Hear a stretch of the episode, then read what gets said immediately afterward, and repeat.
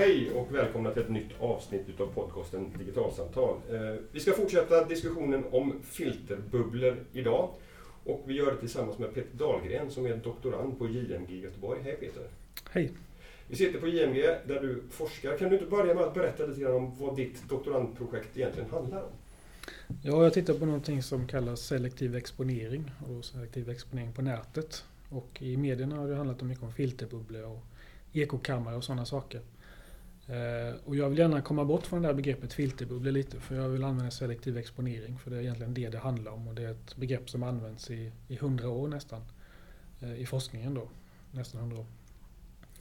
Eh, och det är helt enkelt människors benägenhet att ta del av den informationen som bekräftar vad de redan tror på ett eller annat sätt. Och det vet vi från forskning till exempel att det gör människor i regel. Sen finns det undantag och de tänkte jag skulle berätta lite om. Eh, och I det här projektet som jag gör, mitt doktorandprojekt, så studerar jag bland annat ehm, eh, människor i Sverige. Till skillnad från all annan forskning som är USA-baserad då. Så kan det vara lite skönt med omväxling, ha lite Norden emellanåt också. Ehm, och nu senast så har jag skrivit på en artikel tillsammans med mina två handledare Jesper Strömbäck och Adam Chiata om eh, huruvida politiska preferenser, vår, vår ideologi, att om det påverkar vad vi väljer för innehåll över tid till exempel. Och då har vi kollat på det under sex månader då, mätt vid fyra tillfällen. Och då har vi sett att det gör de inte, utan det är snarare så att politiska preferenser är väldigt stabila över tid. Och den, den typen av information man exponerar sig för, den är också väldigt stabil över tid.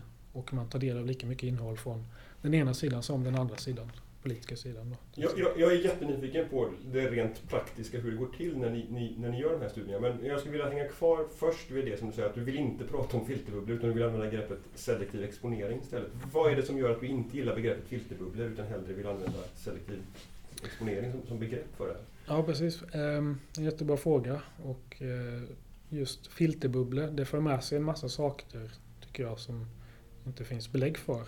Eh, Dels bara används det väldigt slapphänt och det är filterbubblorna. Men det definieras inte närmare vad det faktiskt är. Utan man säger att det är algoritmerna någonting.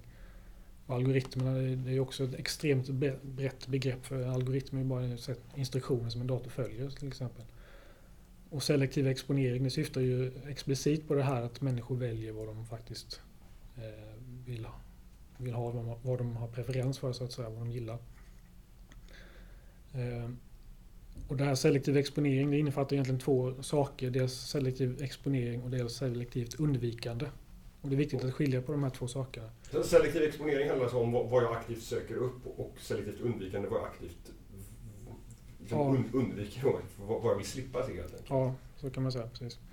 Eh, sen finns en tredje kategori man kan säga. Eh, de sakerna man får till, får till sig. Så tillfällig exponering. Alltså, eh, accidental blir det på engelska, vad blir det på svenska? Det blir slumpmässig, o, slumpmässig mm. oavsiktlig eller något sånt där.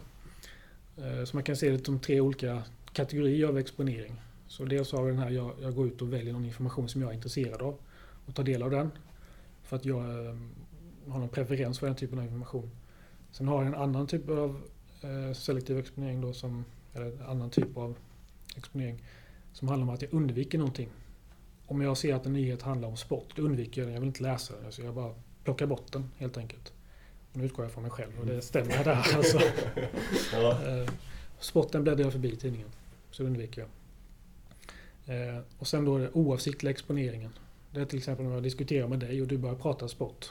Då är det inte så att jag går ifrån dig och säger hej då, nu ska inte jag prata med dig mer. Utan jag stannar kvar och diskuterar med dig av sociala skäl. Och det är en oavsiktlig exponering för en viss typ av information. Och det är viktigt att skilja de här tre, tre, tre typerna av exponering åt och att den här begreppet filterbubblan den säger bara att ja, människor bekräftar vad de redan vill. Och det är algoritmerna som gör det. Punkt. Men, då, då, tänker jag spontant så att, att, att, det som ligger, åtminstone så, så, som jag tänker på, på begreppet filterbubbla, så, så, så har det liksom inslag av alla de här tre delarna som du pratar om. Därför om, man, om man tar Facebook till exempel, då väljer jag ju vilka sidor som jag likar. Vilket är den, den selektiva exponeringen då i någon mening. Ja. Men, men sen Och sen så väljer jag att inte lajka andra och det är den selektiva undvikandet då. Kanske. Men, men, men... Nej, inte riktigt. För undvikande, då är det... Eh, om du ställs inför tio alternativ och du undviker någonting så att säga. Eller rätt sagt, du väljer någonting eh, för att du gillar det. Då innebär det inte att du undviker det. Utan kommer det till dig mm, okay. mm. så undviker du då, då vill du ta bort det. Men om jag har till exempel om det finns miljontals med färger och så jag gillar blå färg. Det är inte så att jag undvikit alla färgerna utan bara jag har valt ut en färg ah, okay. som jag gillar. Yes. Mm. Men, men då, då, har vi gjort en... Och jag har valt att lajka tio sidor. Det, det är ett, en, ett, ett, val som jag gör för att, för att liksom utsätta mig för en exponering från de här ja. sidorna. Men sen finns ju också Facebooks algoritmer som, som gör ett val ur liksom den här informationsmängden som de här sidorna publicerar. Och där blir ju då, tänker jag, ett, ett slumpmässigt exponering för vad jag faktiskt får se från de här sidorna. Ja, både ja och nej. För då kommer vi återigen, vad är det för typ av algoritmer vi pratar om? Ja. Och då har vi dels de här algoritmerna som syftar till att personalisera innehållet, mm. det vill mm. säga skräddarsy det innehållet så att det passar dig, dina preferenser. Och sen har vi massa andra typer av algoritmer som syftar till att visa annan typ av information, till exempel relaterade länkar. Om någon lägger upp en länk på Facebook så kommer det två, tre stycken andra länkar under det. Andra har även klickat på, till exempel, står det. Och där kan det finnas massa andra konstiga saker som man inte har bett om och som man kanske inte gillar. Utan det, det räknas också ut av en algoritm. Det kan vara till exempel att när den här artikeln delas så brukar den här artikeln också delas ungefär samtidigt då i någon tidsintervall till exempel. Jag vet inte exakt hur det fungerar så jag får gärna rätta mig på den här punkten. Intressant. Men i alla fall, de är relaterade till varandra på något sätt. Och de här kan vara, stå stick i stäv med varandra. Det kan vara helt olika vinkel på dem. Och de har faktiskt gjort experiment på det här och ser att kommer det en nyhet där som inte bekräftar vad, de, vad de, eh, användaren tror då, så att säga, så kan den minska den här effekten av att man modererar sin eh, åsikt till exempel. Om man har en väldigt extrem åsikt till vänster så kanske man ser en nyhet som nej men det här kanske inte stämmer. Då kanske man går tillbaka till mitten mer till exempel. Okej. Okay. Så du, du, har en algoritm som, som, som, först väljer ut utifrån vad, vad Facebook tror att jag är intresserad utav. Men sen då har de andra algoritmer som utifrån vad liksom den första algoritmen har hittat väljer ut ytterligare länkar som, som, ja. som på något sätt inte nödvändigtvis måste finnas i, i samma liksom, intressefåra fullt ut så att säga. Ja, precis. Och att man kan se då i forskningen att, att de här på något sätt balanserar varandra. Ja, jag ska inte säga att de balanserar varandra men de, de kan minska effekten av varandra så att säga. Ja, okay. Eh, för balansen vet vi inte. Det är ju en jättestor fråga så att mm. säga. Det gäller miljontals människor. Men sen så, då gäller det här tekniksidan. Så om vi går tillbaka till människosidan mm. och pratar om hur, vad gör människor, hur beter de sig? Och jag sa inledningsvis att de eh, föredrar att bekräfta sina övertygelser. Mm. Det vet vi att det är så. Men, och det här är jätteviktigt, de undviker inte information som säger emot deras övertygelse. Och det här är helt centralt. Ta det en gång till då. Att vi vet att människor... Tar del av de typerna av nyheter och information som bekräftar vad de tror. Jag gillar politiska nyheter, då tar jag del av det. Men kommer det spott till mig, då undviker inte jag det nödvändigtvis. Det vill säga eh, om det kommer oavsiktligt till mig så att säga. Och det vet vi till exempel från eh, när vi ser no någonting delas på Facebook så kommer det så här 10 000 personer har delat det här inlägget. Eller 10 000 delningar står det kanske. Och när det är många delningar där så tenderar vi att klicka på dem som har delats många gånger. Oavsett vad det är för innehåll i dem. Så det har vi ytterligare en faktor. Det är en social faktor, det är inte nödvändigtvis en teknikfaktor. Ja, okay. Så det är en social faktor som gör att man väljer den typen av information som är populär snarare än att den bekräftar vad man tror. Därför var vi nyfiken på vad den stora massan har, har funnit ja. intressant i, i den här artikeln helt enkelt. Precis. Och då innebär det att jag väljer den typen av nyheter som är populära, som går emot mina övertygelser till exempel. Så en annan faktor, social faktor, som påverkar vad jag väljer för nyheter. Trots att jag väljer i huvudsak information som stämmer överens med mina övertygelser till exempel. Varför menar du att, att kunskapen om att det ligger till på det här sättet är central i diskussionen om, om, om filterbubblor? Eller om selektiv? Därför att det innebär att om vi har en filterbubbla så är den väldigt porös. Den spricker väldigt snabbt. Så vi kan prata jättelänge om filterbubblan och vad för konsekvens. Men filterbubblorna i sig, de, liksom, de bara spricker omedelbart. Mer eller mindre.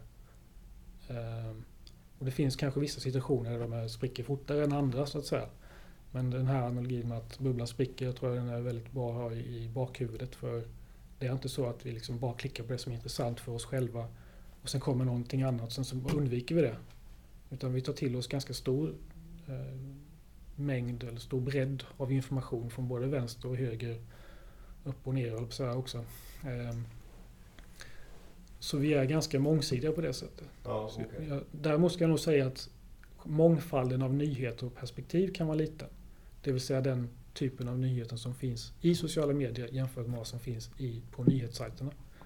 Okej, okay, så, okay, så jag har gett mig till en annan fråga här. Ja, nej, men absolut. Men, men, men, men det du säger nu är att, att den, den, den spannen med nyhetsmaterial som finns på, på Facebook, för Facebooks algoritmer att ösa ur. Ja. Den är begränsad jämfört med vad, vad som publiceras på nätet i stort. Ja. Är, är det en effekt utav, utav vad folk faktiskt väljer att dela eller finns det andra saker som, som gör att det urvalet är, är, är mer begränsat? Det är i huvudsak vad de väljer att dela. Då. Eh, jag har själv gjort innehållsanalyser på det här och ser att väldigt få procent av materialet från um, nyhetssajterna som hamnar i sociala medier. Och det bekräftas av internationella undersökningar också. Det skiljer sig lite åt vad man väljer att dela men det är i huvudsak sådana här saker som handlar om uh, human interest stories, alltså sånt som kan vara intressant för människor överlag. Okay. Någon har gjort någonting bra. Uh, djur funkar liksom Eh, inte så mycket som vi kanske vill, gärna tror eller framhäver så, men det funkar. Eh, politik, åsikter fungerar framför allt. Eh, sport fungerar också. Jag har inte tittat på det för jag är inte intresserad av det som sagt. Ja, men det fungerar åtminstone. Um, och lite sådana saker. Lokalnyheter sprids inte så mycket på nätet till exempel. Nej. Uh, metoden, hur, hur, hur, gör, hur gör ni forskarna för att, för att komma, liksom hitta de här resultaten och, och liksom av den här exponeringen? Ja, vi har använt lite olika metoder, eller ska använda olika metoder rättare sagt. Eh, I den studien som jag pratade om inledningsvis om eh, den här under sex månader då. Så är det fyra vågor, fyra mättillfällen. Och då har vi gjort en panelundersökning. Det innebär då att vi frågat samma individer, ungefär 3-4 tusen eller 6 000 individer tror jag inledningsvis. 6 000 individer under fyra gånger under ett halvårs tid då. Och har fått en enkät eh, hemskickad till sig då.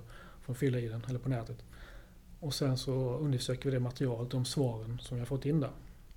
Och då kan vi se det genom att eh, titta på vad de har för politiska åsikter och titta på vad, vad de säger att de exponerar sig för. Och det här är vad de säger att de exponerar sig för. Så det är viktigt att ha den tanken i bakhuvudet att det här är ett mått på vad de säger själva och inte vad de faktiskt gör. Mm. Men det är ju det fördelen med det här, då har vi ett representativt urval av svenska befolkningen. Så vi kan ju säga vad, vad Sverige gör. faktiskt. Så det är fördelen med det här. Och sen för att komma till rätta på det här problemet med att vi har självskattade, att de får säga själva vad de tycker, så ska vi göra experiment med där vi ska faktiskt observera vad de faktiskt gör och inte vad de säger att de gör. Så kan vi faktiskt jämföra skillnaderna där, vad de säger att de gör och vad de, vad de gör. Då, så att säga. Hur ska ni göra det? Är det genom att utveckla något, något plugin som, som ser vad de faktiskt gör på Facebook? Eller, eller hur, hur Nej, utan det är mer att man gör ett experiment som... Man kan göra på det sättet ja. givetvis. Men i, i mitt fall då så har jag tänkt utveckla någon form av generellt verktyg. Mm, kan vi för enkelhetens skull säga en Facebook-kopia. Men fokuset ligger inte på att kopiera Facebook och få det att se ut exakt som det är. Utan fokuset ligger på att fokusera på en enskild detalj. Till exempel antalet delningar som står där.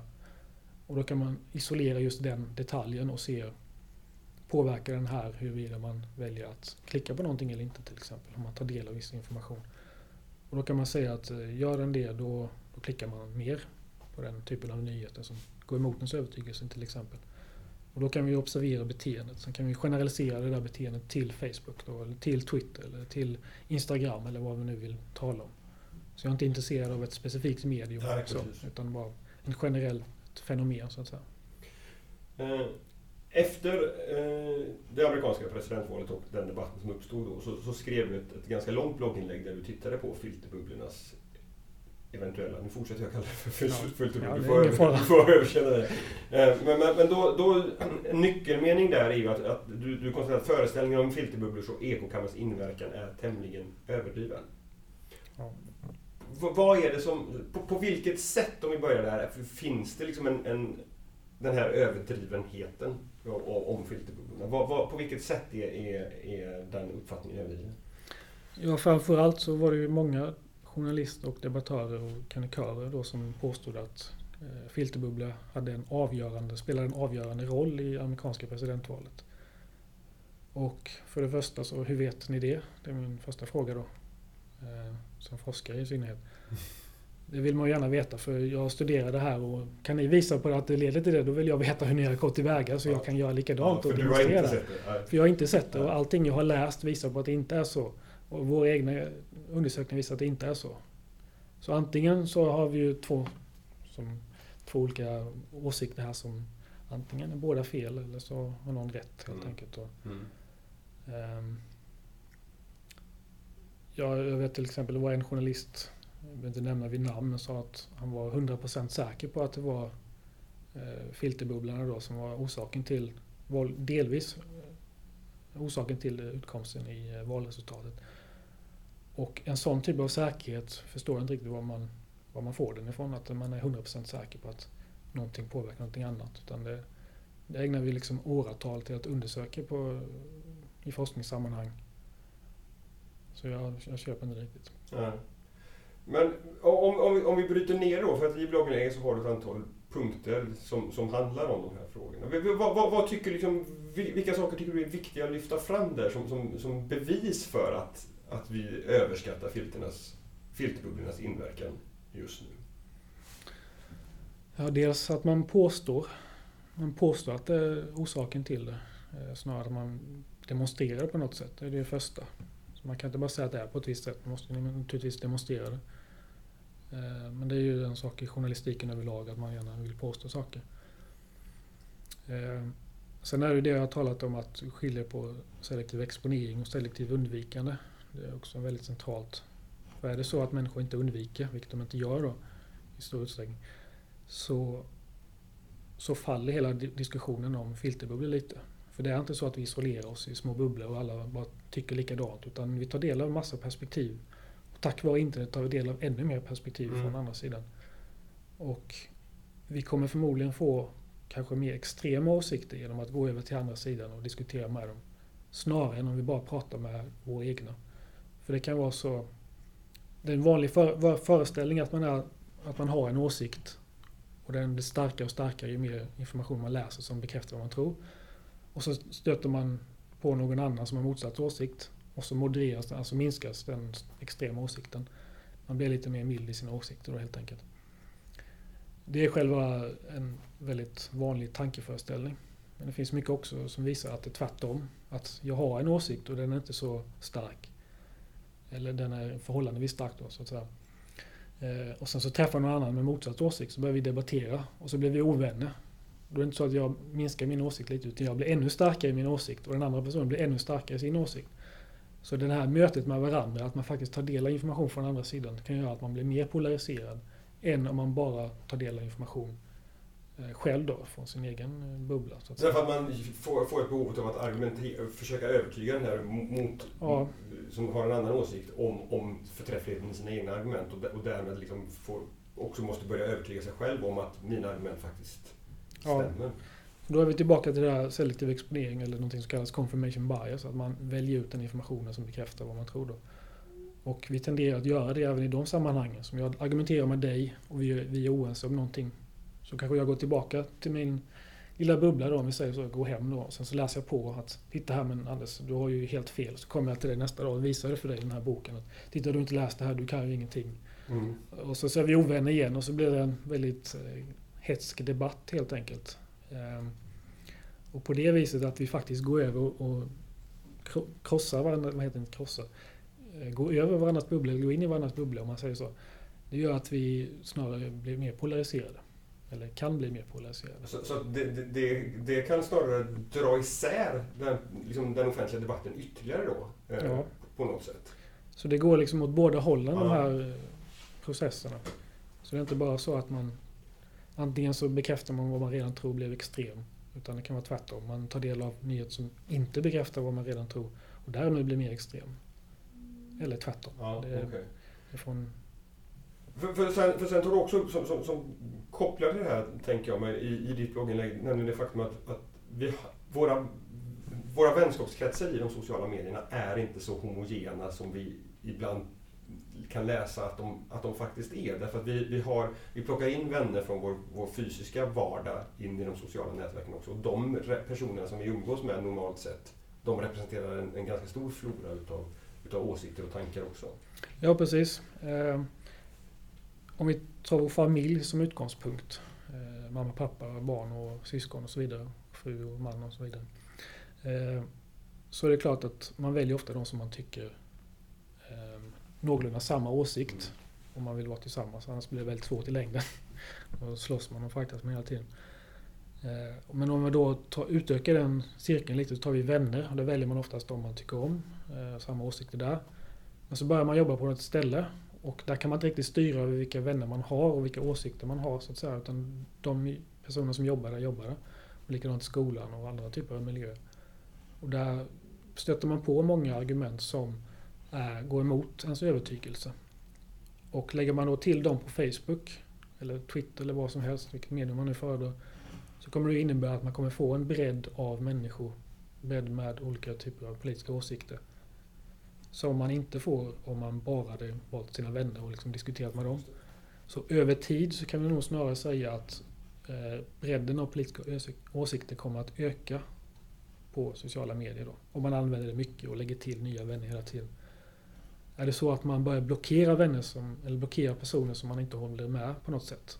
Då kan man tänka sig att man hamnar i en, i en bubbla. Alltså, I den rätta bemärkelsen av ordet. Att man bara filtrerar bort allting som Därför att inte det, går, det, det, det är givetvis möjligt att, att själv aktivt sätta sig i en bubbla om man, om man skulle vilja det. Ja, absolut. Och det, det, är, det är inte det beteendet som, som vi pratar om nu. Utan nu, nu är det liksom det som en, en, en genomsnittlig internetanvändare ja. utsätts för omedvetet så att säga. Ja, Eller precis. Hur? För det är också en debatt där om, om man ska titta på Ska man titta på den genomsnittliga användaren eller ska vi titta på den som är med i en sekt? Mm.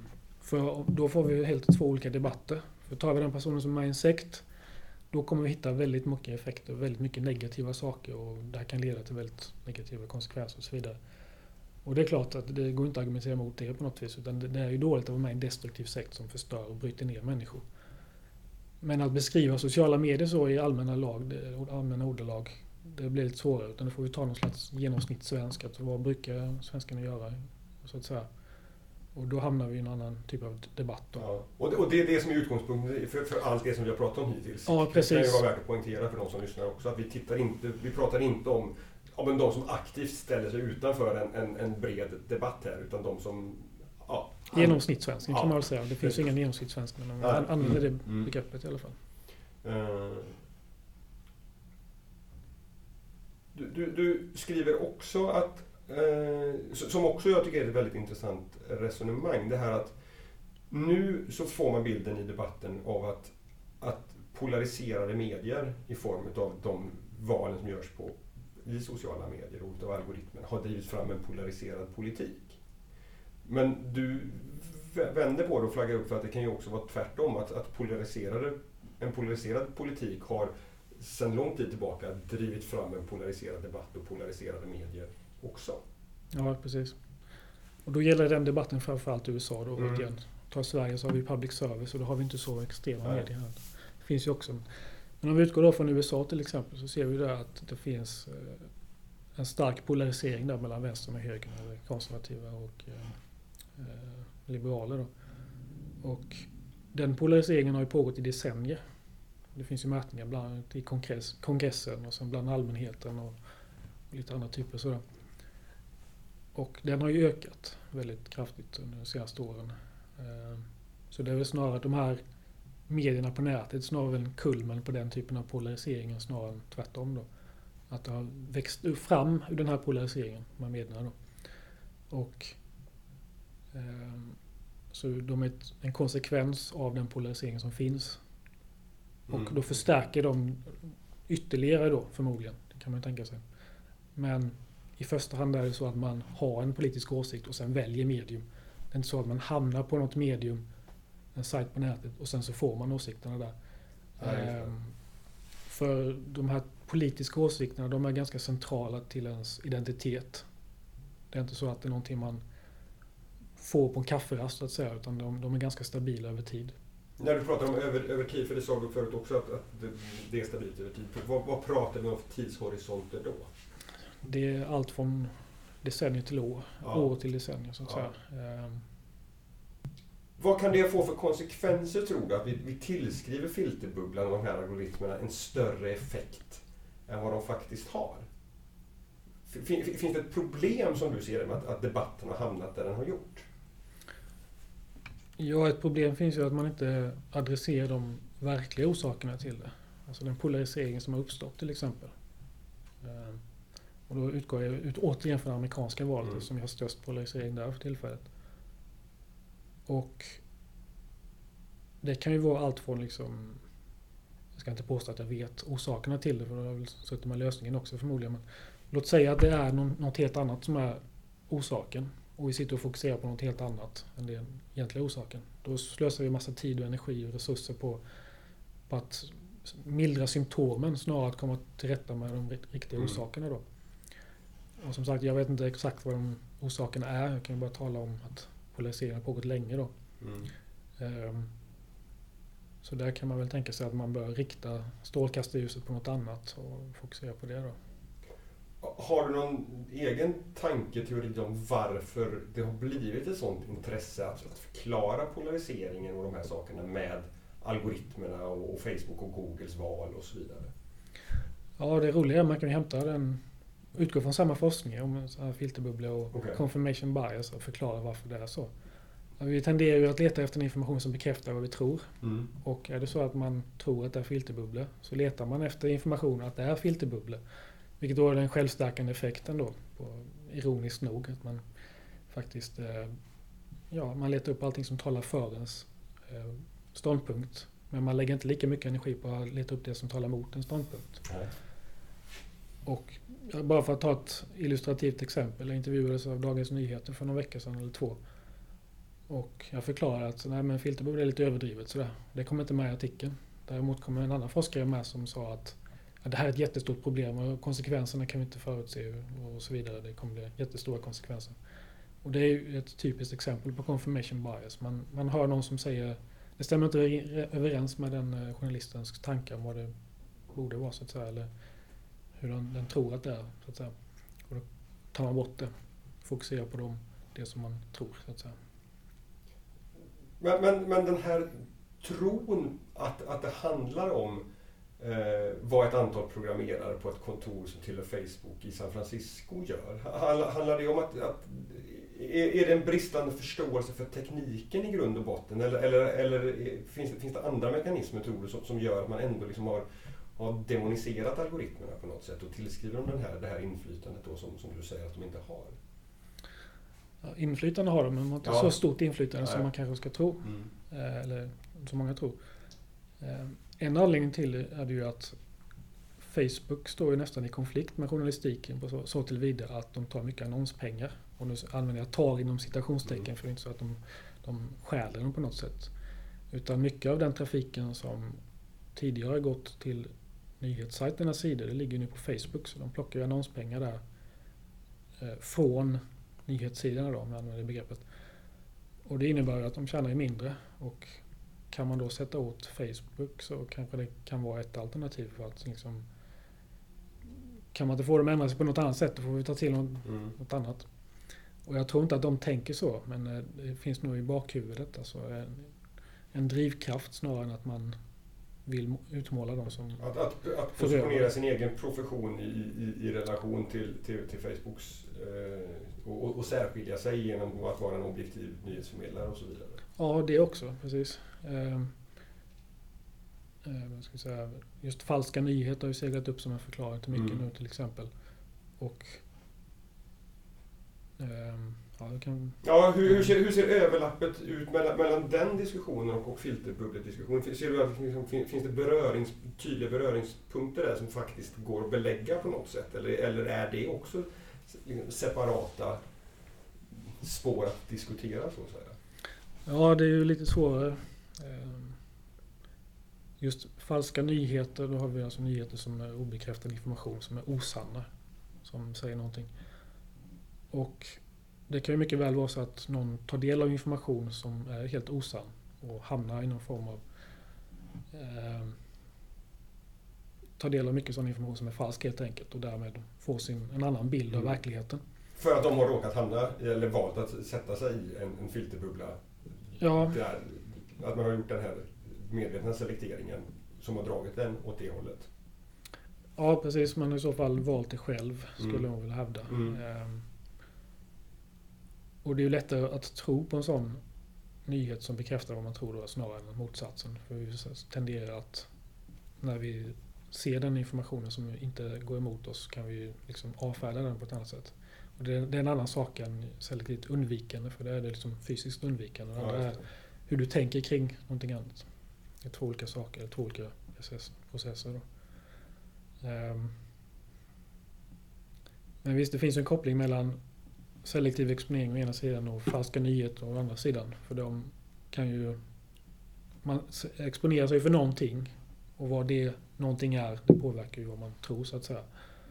Exponerar sig man sig för mycket falska nyheter, ja, då får det långtgående, kan det få långtgående konsekvenser då. Om mm. det bara den typen mm. av information. Mm. Uh, en, en, fråga som, som jag liksom försöker hitta ett svar på själv och som jag brukar ställa till folk, det, det är att, att ja, men, oavsett nu liksom, i vilken utsträckning som det här med, med, med filterbubblor och, och det här urvalet som sker och personanpassningen påverkar. Så vad, vad, skulle man kunna tänka sig för alternativ? För att någon form av urvalskriterier måste det ske när det är så mycket information som finns.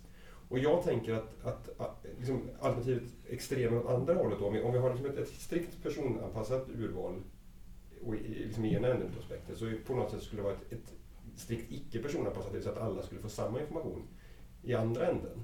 Och det kan jag säga att det kanske skulle vara ett ännu större problem för då sitter vi alla i samma stora filterbubbla. Alltså, har, har du funderat kring, kring liksom, vad, vad, vad, skulle alternativet till den här personanpassningen kunna vara och skulle den i sådana fall fungera bättre? Vi har redan haft det faktiskt. Okay. 1950 hade vi TV till exempel. Mm. Då tittade alla på samma mm. TV-program mer eller mm. mindre. Mm. Och då varnade debattörer för att nu, nu väljer inte folk utan nu blir de matade med information. Och vi har liksom om man går tillbaka och tittar i litteraturen när de skrev så här, vi är som robotar, vi bara tar del av samma information allihopa. Vi behöver inte välja någonting, vi behöver inte bearbeta någonting, vi behöver inte tänka, utan vi blir bara matade helt enkelt. Så det var liksom samma typ av diskussion då, bara att man vänder på perspektivet. därför att då, kommer, då, då blev det liksom en likriktningen som var problemet och nu ja. är debatten om att det är för fragmentiserat media. Ja. Okay. Så diskussionen då handlar om att man alla tog del av samma nyheter. Mm. Och då tänkte alla på samma sak. Alla hade samma åsikter. Så, vilket är fel. Det är inte så att... Det är den här föreställningen om att medierna är allsmäktiga. Att de mm. påverkar oss. Vad, vi än, vad de än skriver om så tror vi på det. Men så är det inte. Utan vi filtrerar det via vår, vad vi själva tror. Då, så att säga. Och nu är ju då, har debatten vänt helt och hållet. Så nu är vi på de här extrema selektiva processerna. Där man bara väljer det som man själv vill ha. Då, eller tanken åtminstone. Så vi har haft båda perioderna. Så vi går ju åt andra hållet nu när det gäller extremer. Mm. Vilket är ganska intressant. Så vi ska nog inte spela helt oförstående inför att vi vet inte riktigt vad som händer och vilka alternativ vi har. Utan vi har ju faktiskt haft en sån period. Eh, däremot så kan man fråga sig, som sa, vad är Facebooks... Eh, hur bör de göra? Bör de liksom mm. ha samma information för alla? Men jag ser inte att det är Facebooks ansvar överhuvudtaget. Utan det är ett socialt nätverk. Jag lägger till mina vänner som jag vill ha där. Och jag tar bort dem när jag inte vill ha det till exempel. Ska Facebook börja lägga sig i det och säga att nej men den här informationen ska inte du ha. Du ska se den här informationen för det är bättre för dig. Man tar en slags paternalistisk syn på människan att de ska bestämma vad som är rätt information och sådär. Fast det är en normativ fråga som är lite utanför vetenskapen förvisso. Fast, fast där tänker jag att där, gör de ju, där lägger de sig ju redan i med hjälp av de algoritmerna som de har. Därför att om du och jag skulle vara vänner på Facebook så skulle inte jag få se allt som du delar. Utan de gör ju ändå ett urval utav det som du delar. Fast de gör det liksom ur, ur, ur en ur ett perspektiv idag, medan liksom, så som debatten är så kanske man skulle vilja att, att låter det som att man skulle försöka hitta ett, ett, san, ett, liksom ett sannings liksom perspektiv eller ett relevansperspektiv medan det nu är optimerat för att jag kanske ska stanna kvar på Facebook så länge som möjligt. Så att, urvalet gör de ju redan och de lägger sig ju redan i det. Ja, precis. Och jag, tycker inte, jag tycker det är två separata frågor. Dels vad man ska göra ur ett samhällsperspektiv och vad man ska göra ur ett Ja, jag ska ha trevligt på Facebook ungefär. Mm. Visserligen är det så att mycket av nyheterna får vi via Facebook nu. Eh, om inte allt så i alla fall en stor andel av dem. Men att så att säga börja reglera det för att tänka på någon samhällsnytta övergripande sådär. Men då är man inne på liksom, politisk normativ teori och vad ska vi göra då?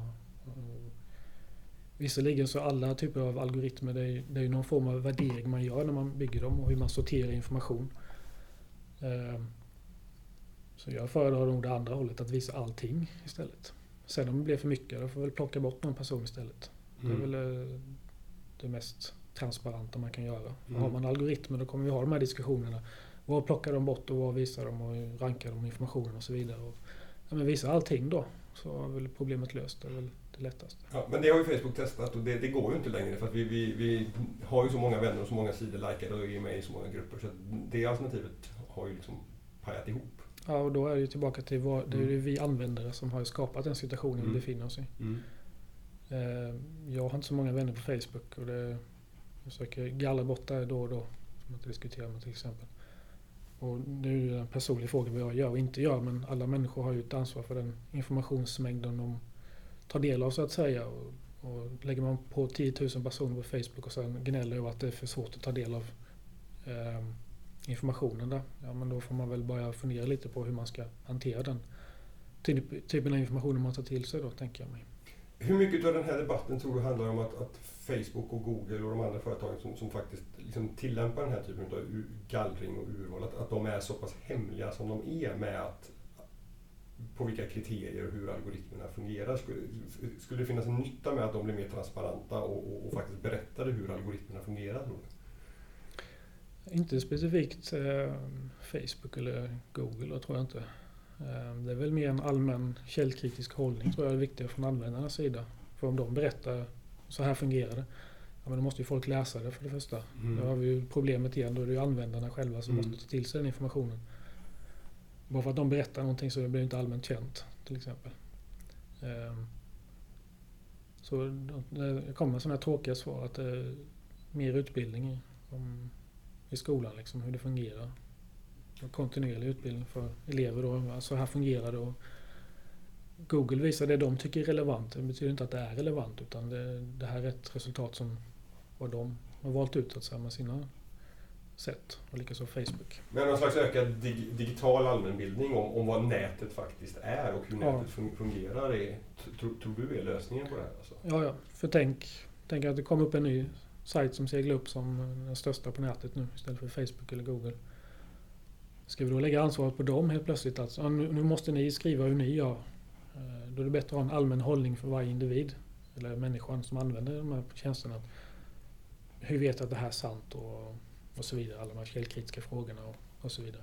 Om, om du liksom utifrån, för, för att runda av, utifrån det, det, du har lärt dig och det du liksom ser liksom att forskningen faktiskt vet om det här fältet som vi har diskuterat. Hur, vad, vad, liksom, vad har du för önskningar framöver? om liksom en, Kanske dels hur, hur teknikföretagen ska utvecklas, det har du visserligen svarat på, nämligen inte alls, utan det får ett, ett personligt ansvar. Men, men debatten, vad, vad, hur, liksom, vad, har du för drömscenario framöver när det gäller de här frågorna?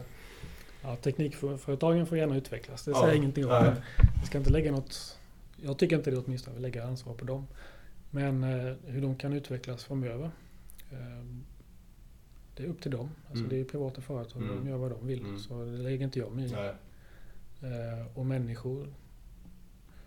Jag skulle nog snarare prata om journalistiken mm. som jag är intresserad av. Eh, jag tror att journalister måste bli bättre på att beskriva hur de har gått tillväga när de tar reda på någonting. För nu kan vi ha två nyheter på nätet till exempel. Den ena kan vara helt sann, den ena kan vara helt falsk. Och vi kan inte bedöma dem för det står inte hur de har gått tillväga till exempel. Eh, och då ta, pratar jag inte om nyheter som sprids, alltså falska nyheter som sprids av en avsändare som inte har för avsikt att rätta sanningen. Utan det menar jag liksom Dagens Nyheter eller vad som helst. Du kan skriva en nyhet som inte är sann då. Det, det händer ju alltid misstag så att säga. Mm. Och vi kan inte bedöma det för vi har inte någon källa utan det står ibland om till exempel bedömer forskning eller hänvisar till forskning. En ny, ny studie publicerad i en amerikansk tidskrift. Ja, men vilken? Första frågan då. Vad är det för studie? Alltså det går inte att göra någon som helst källkritisk bedömning av journalistiska texter för det vet ju inte vad de har tittat på ibland. Och där, man, man, kan ju prata mycket om källkritik men då måste ju liksom journalisterna också vara källkritiska i sina texter och beskriva hur de faktiskt har gått tillväga. Och inte bara säga att alla andra ska vara källkritiska utom mot våra texter. Att, att hjälpa publiken att, att faktiskt eh, med källhänvisningar på andra sätt liksom redovisa varför man ska lita på informationen i, i den här artikeln. Ja. Eller, och gör du inte det så kan du själv titta och genom att gå vidare hit. Då. Ja, jag tror det hänger ihop med en övergripande trend. Vi har ju mer och mer data, alltså vi översvämmas i data och information nu i den här tidsåldern. Och för att sålla den här informationen så, då, du ett alternativ är ju att automatiskt med algoritmer sålla det. Ett annat är ju faktiskt beskriva att så här gjorde vi när vi sållade. Att vara tydlig med det, att vara transparent med de metoderna man använder. Istället för att försöka dölja dem i någon slags eh, någon allmän tillvägagångssätt som man alltid använder. Utan faktiskt säga så här gjorde vi och därför ska vi lita på resultatet.